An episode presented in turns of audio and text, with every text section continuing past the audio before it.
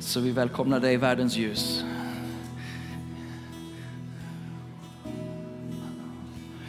Tack att du inte skyr mörkret. Men mörkret skyr dig. Att du är ljuset som lyser in på de mörkaste platserna och där måste mörkret vika.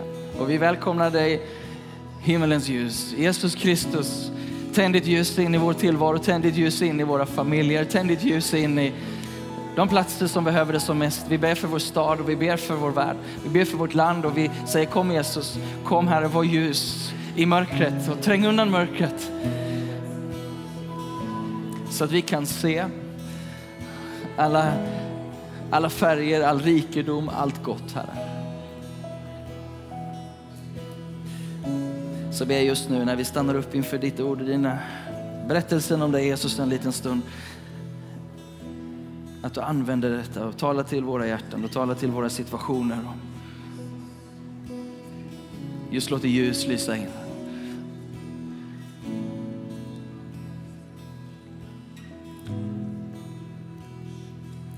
I Jesu namn ber vi. Och amen. Amen. Och varsågod och sitt ner. Och tack ska ni ha. Ska vi uppmuntra gänget här också? Tack ska ni ha. Och än en gång, varmt välkommen till, till Citykyrkan eh, den här fjärde advent. Och eh, Paul heter jag, pastor i församlingen, gift med Therese och vi har tre barn. Ehm, och idag så ska jag få ta några minuter av din tid och, och dela med dig om den här fantastiska berättelsen om Jesus. Um, och få lyfta fram Jesus i juletiden känns ju både rimligt och riktigt. Ehm, men innan jag ska eh, dela lite mer så har jag bett eh, Markus få berätta lite av sin berättelse. Vill du komma fram Markus så kan ni få ge honom en applåd. Ehm, så blir han glad, gladare. Där, så. Tjenare, du jag ska slå på den här tror jag. Ehm, den är på och vi gör så. Se om den funkar. Det funkar? Ja, det funkar. Jajamän, du kan få hålla den faktiskt. Eh, vi har inte känt varandra så jättelänge. Nej. Sen är typ efter sommaren någon gång. Ja, typ. Då dök du upp här i, i kyrkan. Um, och sen har du gjort en, en, en, spännande resa den här hösten där Gud har blivit mer och mer en del av din berättelse.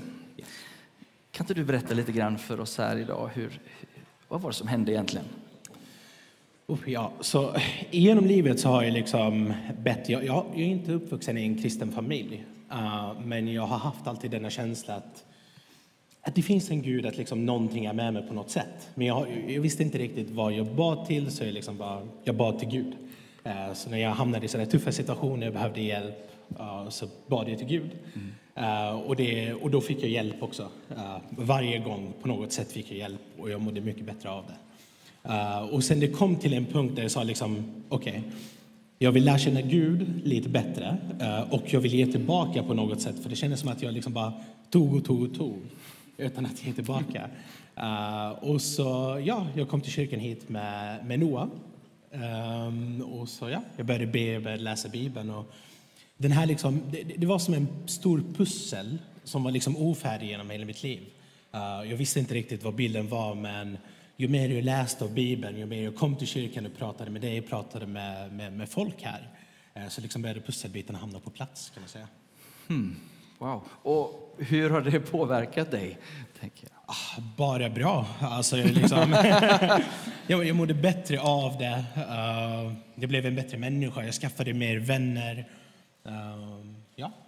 Och, och, när var det som att, eh, om det var någon polett som trillade ner någon gång, hur, hur, när var det? Oh, det var när uh, kaptenen döpte mig där i uh, graven. det var liksom den pusselbiten där liksom, jag kunde se Jesus liksom bild, kan man säga. Jag tycker det är härligt hur du bara har gett dig in i det. Jag kommer ihåg en sak när du var ny här så hade vi församlingsmöte. Jag, jag, tyckte det var så härligt för du bara, men jag vill ha alltihopa. Liksom. Så här, det var direkt från var det första gudstjänsten eller andra kanske. Ja. Något sånt här. Ja, men jag hänger på församlingsmöte. Jag gillar den inställningen. Fantastiskt. Tack för att du delar med dig, Marcus. Ja, Gud. Du kan få ta med dig ner, André. Mig.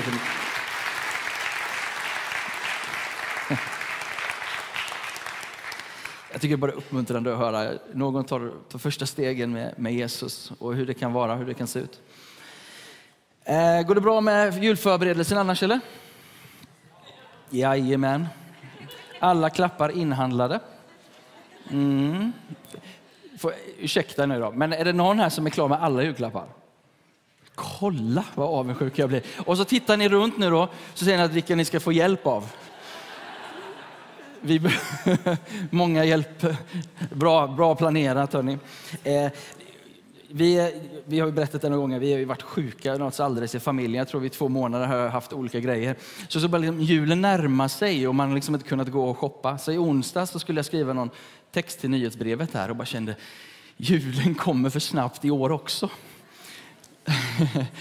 Ehm, och så börjar man tänka på alla klappar och all mat och all julgodis och så tänker man, är det rimligt? Att vi liksom preppar en hel månad eller mer för liksom den här dagen och så bränner vi av allt det här. Det är lite som att gifta sig tänker jag. Så man, man satsar ett helt år på förberedelse, liksom. det är ett helt projekt, ett heltidsjobb vid sidan om allt annat. Eh, och så bränner man det på en dag. Men nu tillbaka till julen då. Ni känner så också? Ja, ja, ja. Vi har gjort det allihopa. Men eh, det är härligt. Det är härligt att vara gift. Men det är en annan story. Men julen i alla fall. Är det rimligt? Och så sitter man och funderar ett halvt där och så tänker man, ja men det är ju det det är. Det är rimligt att fira. Lika rimligt som det var för de sju vise männen. Eller hur många var de? Var de tre? Står det i Bibeln? Kasper och Jesper och Jonathan. Nej, det var den andra. Men, men de här sju eller tre eller hur många de nu än var kommer från Österland. Det låter långt borta i alla fall. De åker väldigt, väldigt, väldigt, väldigt långt borta. Kommer med massor guld, myrra och rökelser för att fira det här lilla gossebarnet. Varför är det rimligt? Jo, därför att det är Gud som blir människa. Eller vänder vi på det och är lite mer öppen. Det är rimligt om det var Gud som blev människa om det var Gud som blev människa, då är det rimligt att vi varje år ställer till jordens största fest. För det är inte rimligt annars att man i, i Australien liksom tänker en tomte i släde, när han borde kommit på en surfbräda. Men, men det är ett globalt fenomen som påverkar hela världshistorien. Och jag tror att jag citerat det här varje jul, men det finns en, en snubbe som heter Larry King, eller han, han är död nu. Han var CNNs, en av de stora programledarna och han sa att om det är så att Jesus föddes av en jungfru, då omdefinierar det för mig hela världshistorien. Om det är så att Jesus föddes av en jungfru, då omdefinierar det alltihopa. För det kommer tillbaka till den punkten, om Gud blev människa. Jungfrufödelse menar kära sekulerade svenskar, är helt världsdefinierande om det var så att Gud blev människa. Kan vi gå tillbaka till den berättelsen när, när Maria får det här omvälvande budskapet. Um, I Lukas evangelium kapitel 1 och vers 26. Jag läser så får vi sammanhanget. I den sjätte månaden blev ängeln Gabriel sänd av Gud till en jungfru i staden Nasaret i Galileen. Hon var trolovad med en man som hette Josef och som var av Davids släkt. Och jungfruns namn var Maria. Här kommer det här stora, om Jesus föddes av en jungfru eller inte. Ängeln kommer till henne och sa, gläd dig du som har fått nåd, Herren är med dig.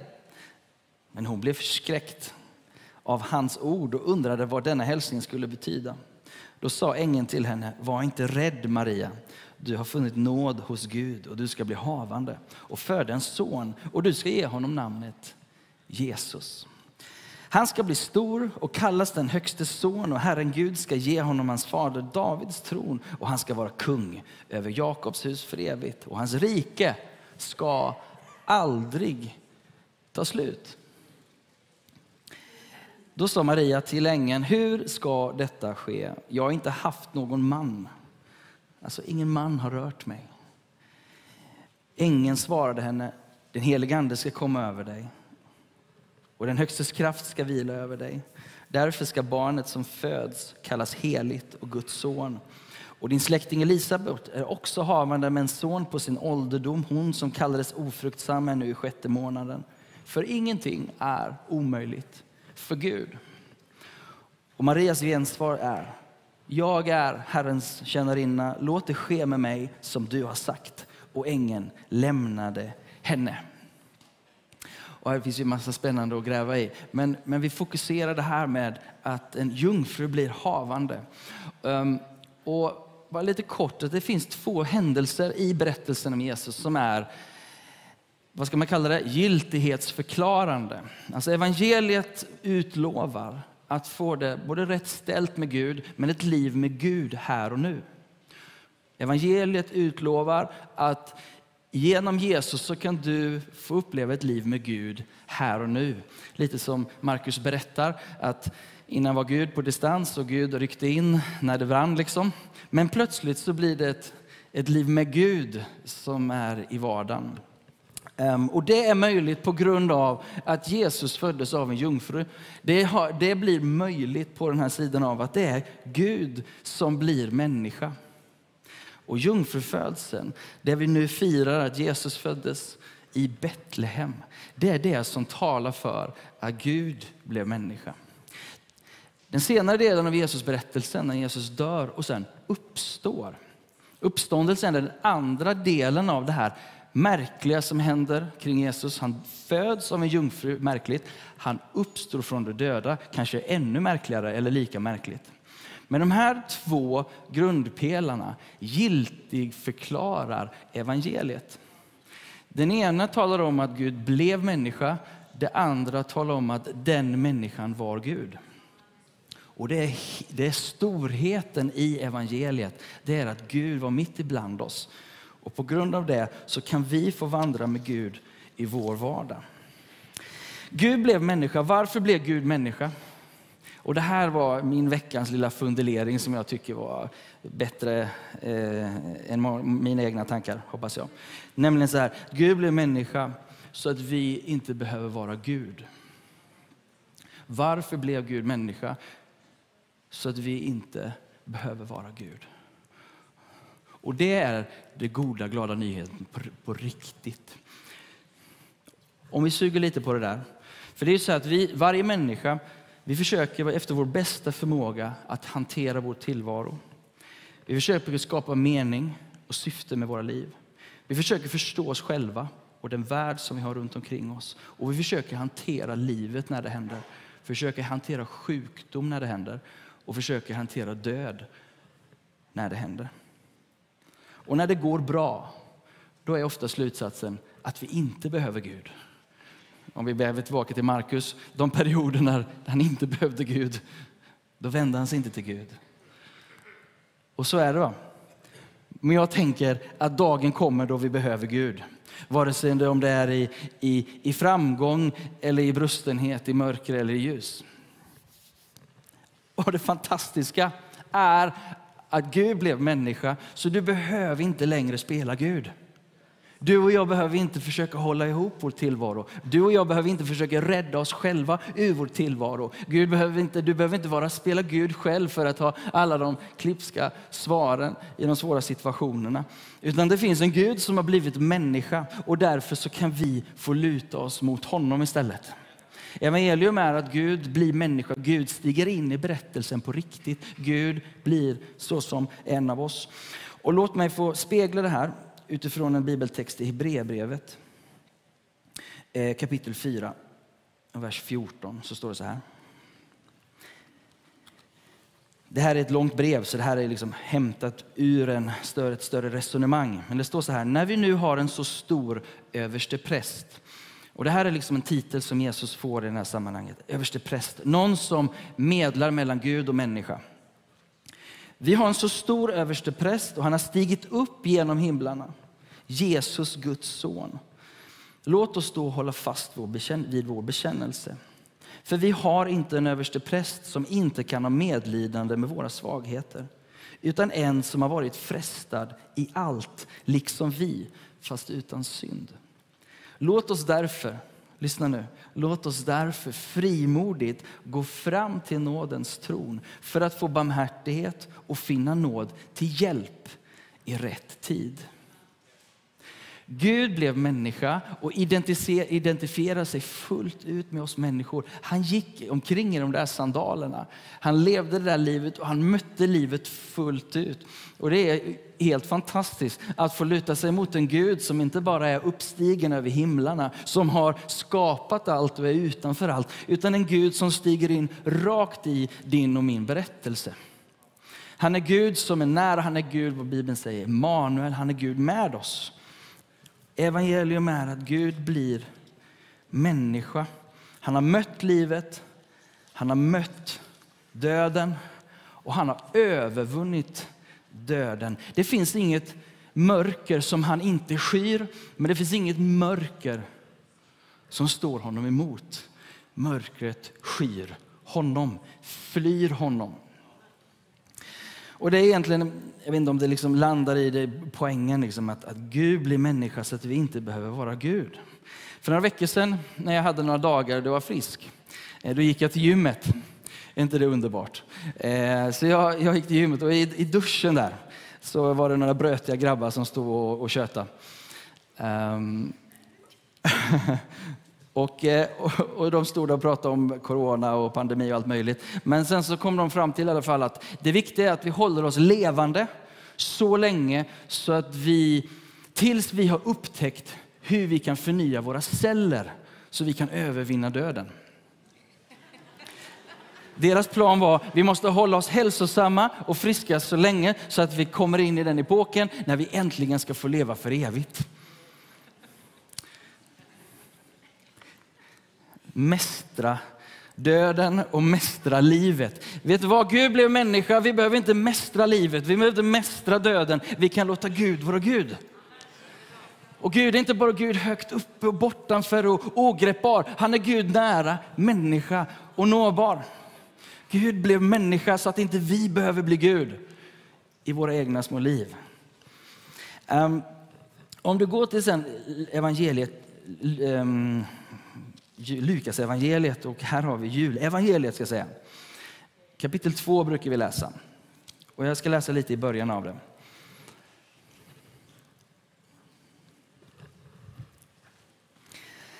Och det hände sig vid den tiden att från kejsar Augustus utgick ett påbud att hela världen skulle coronatestas.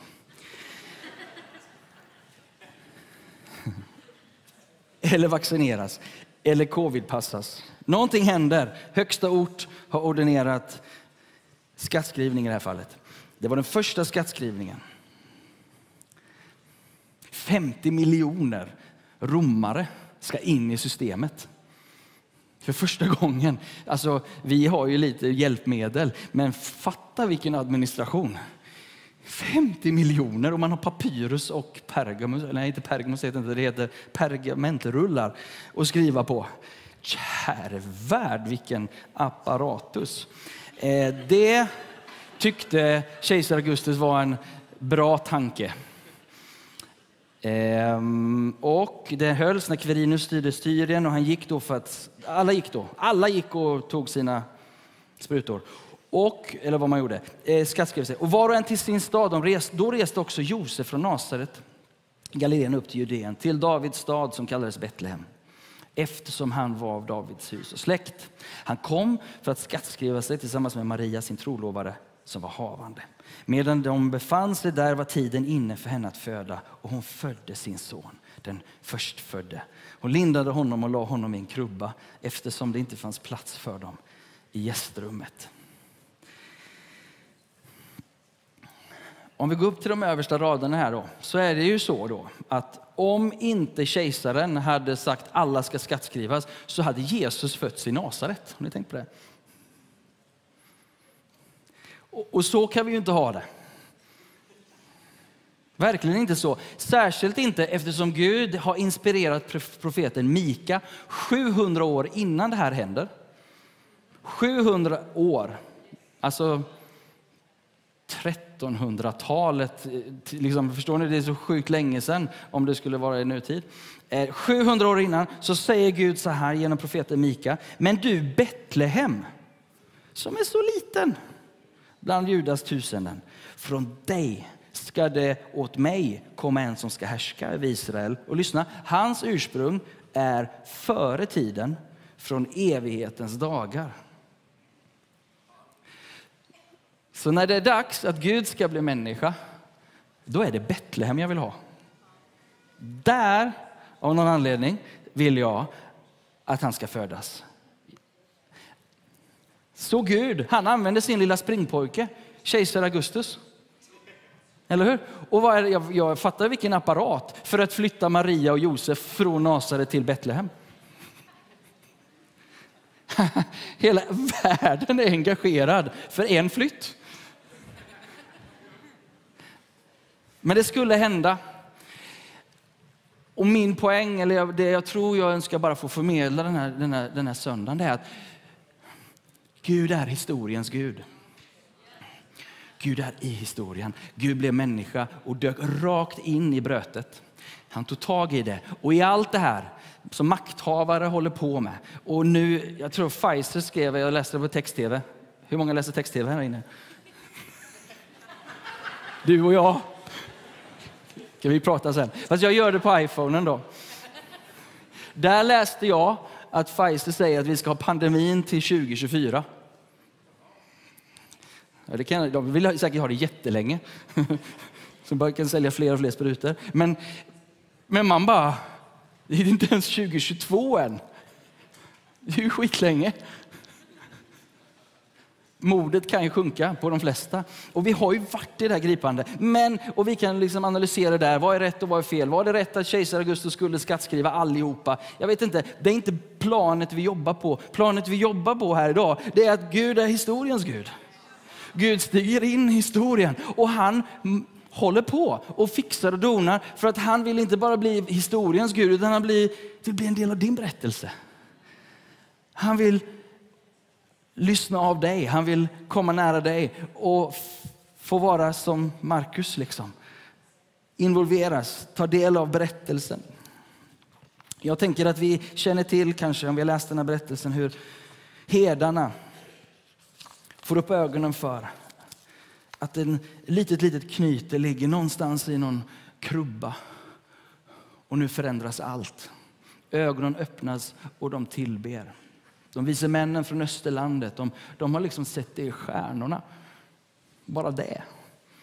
Nu är inte bara hela skattskrivningen som involverar hela den kända världen, utan hela himmelens stjärnbild har Gud orkestrerat för att peka på en punkt nämligen i Betlehem. Där ska evigheternas konung träda fram som ett litet gossebarn.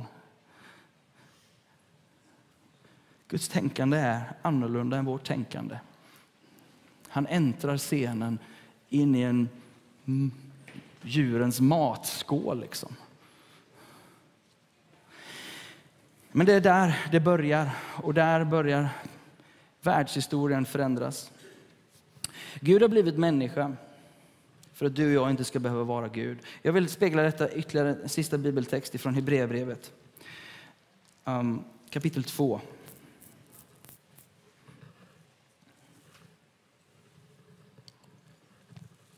Och sen ska ni få lyssna till en fantastisk sång av Cornelia.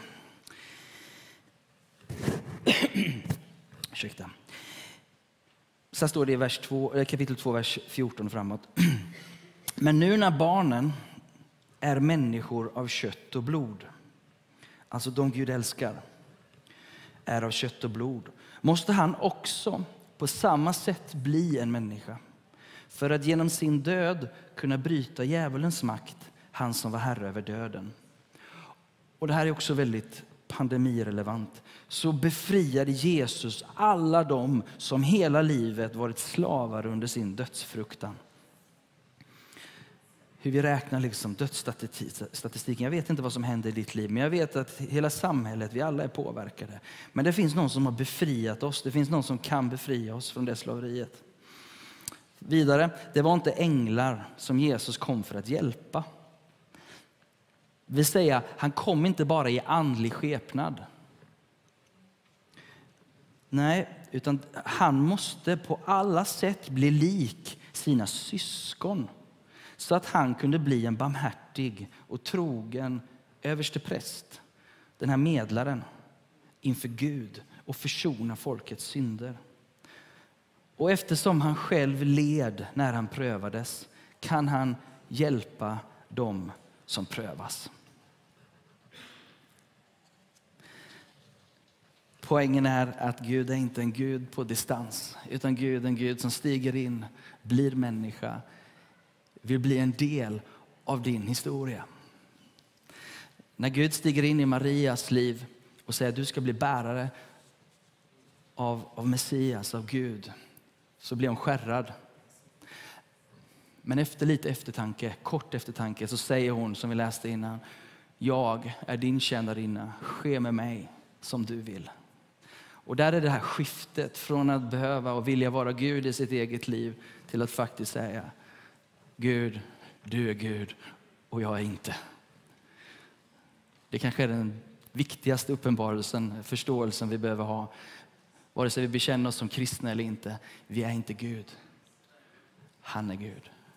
Och han har historien i sin hand. I den andra texten från Hebreerbrevet så läste vi vi har inte en överste präst som inte kan ha medlidande med våra svagheter utan en som har varit frestad i allt, liksom vi, utan, fast utan synd.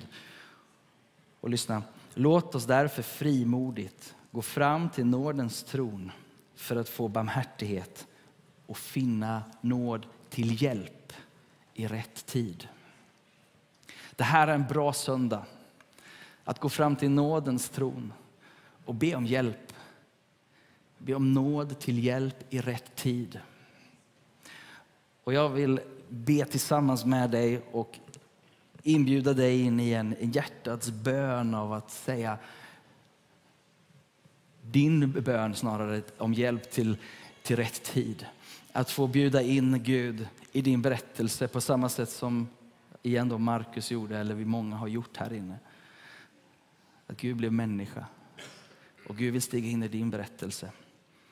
Han är Gud som förlåter synd, han är Gud som skingrar mörkret, han är Gud som har besegrat döden. Så han vill vara dig nära i liv, i sjukdom, i död. Gud är Gud, alltid närvarande.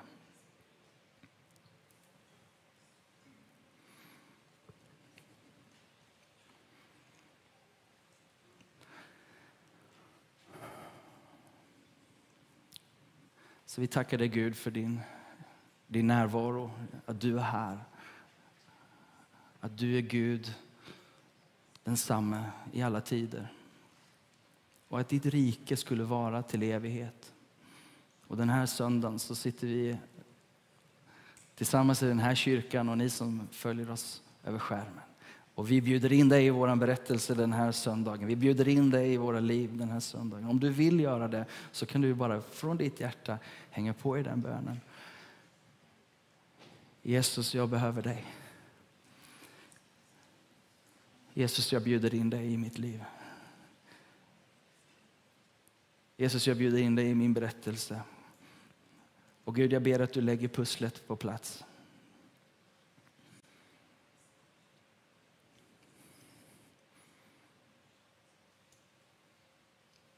så ber jag dig Gud att du skulle vara nära varenda en som söker dig i det här rummet eller hemma just nu. Jag ber om din egen närvaro på samma sätt som när herdarna upptäckte vem du var eller fick budskapet om vem du har. Vi ber om en himmelsk närvaro, vi ber om dina änglars närvaro. Vi ber att vi fick förenas i den lovsången och i den tillbedjan.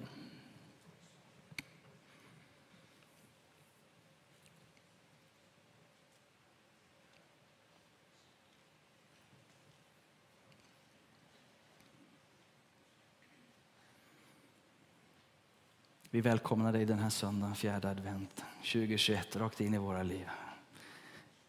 I Jesu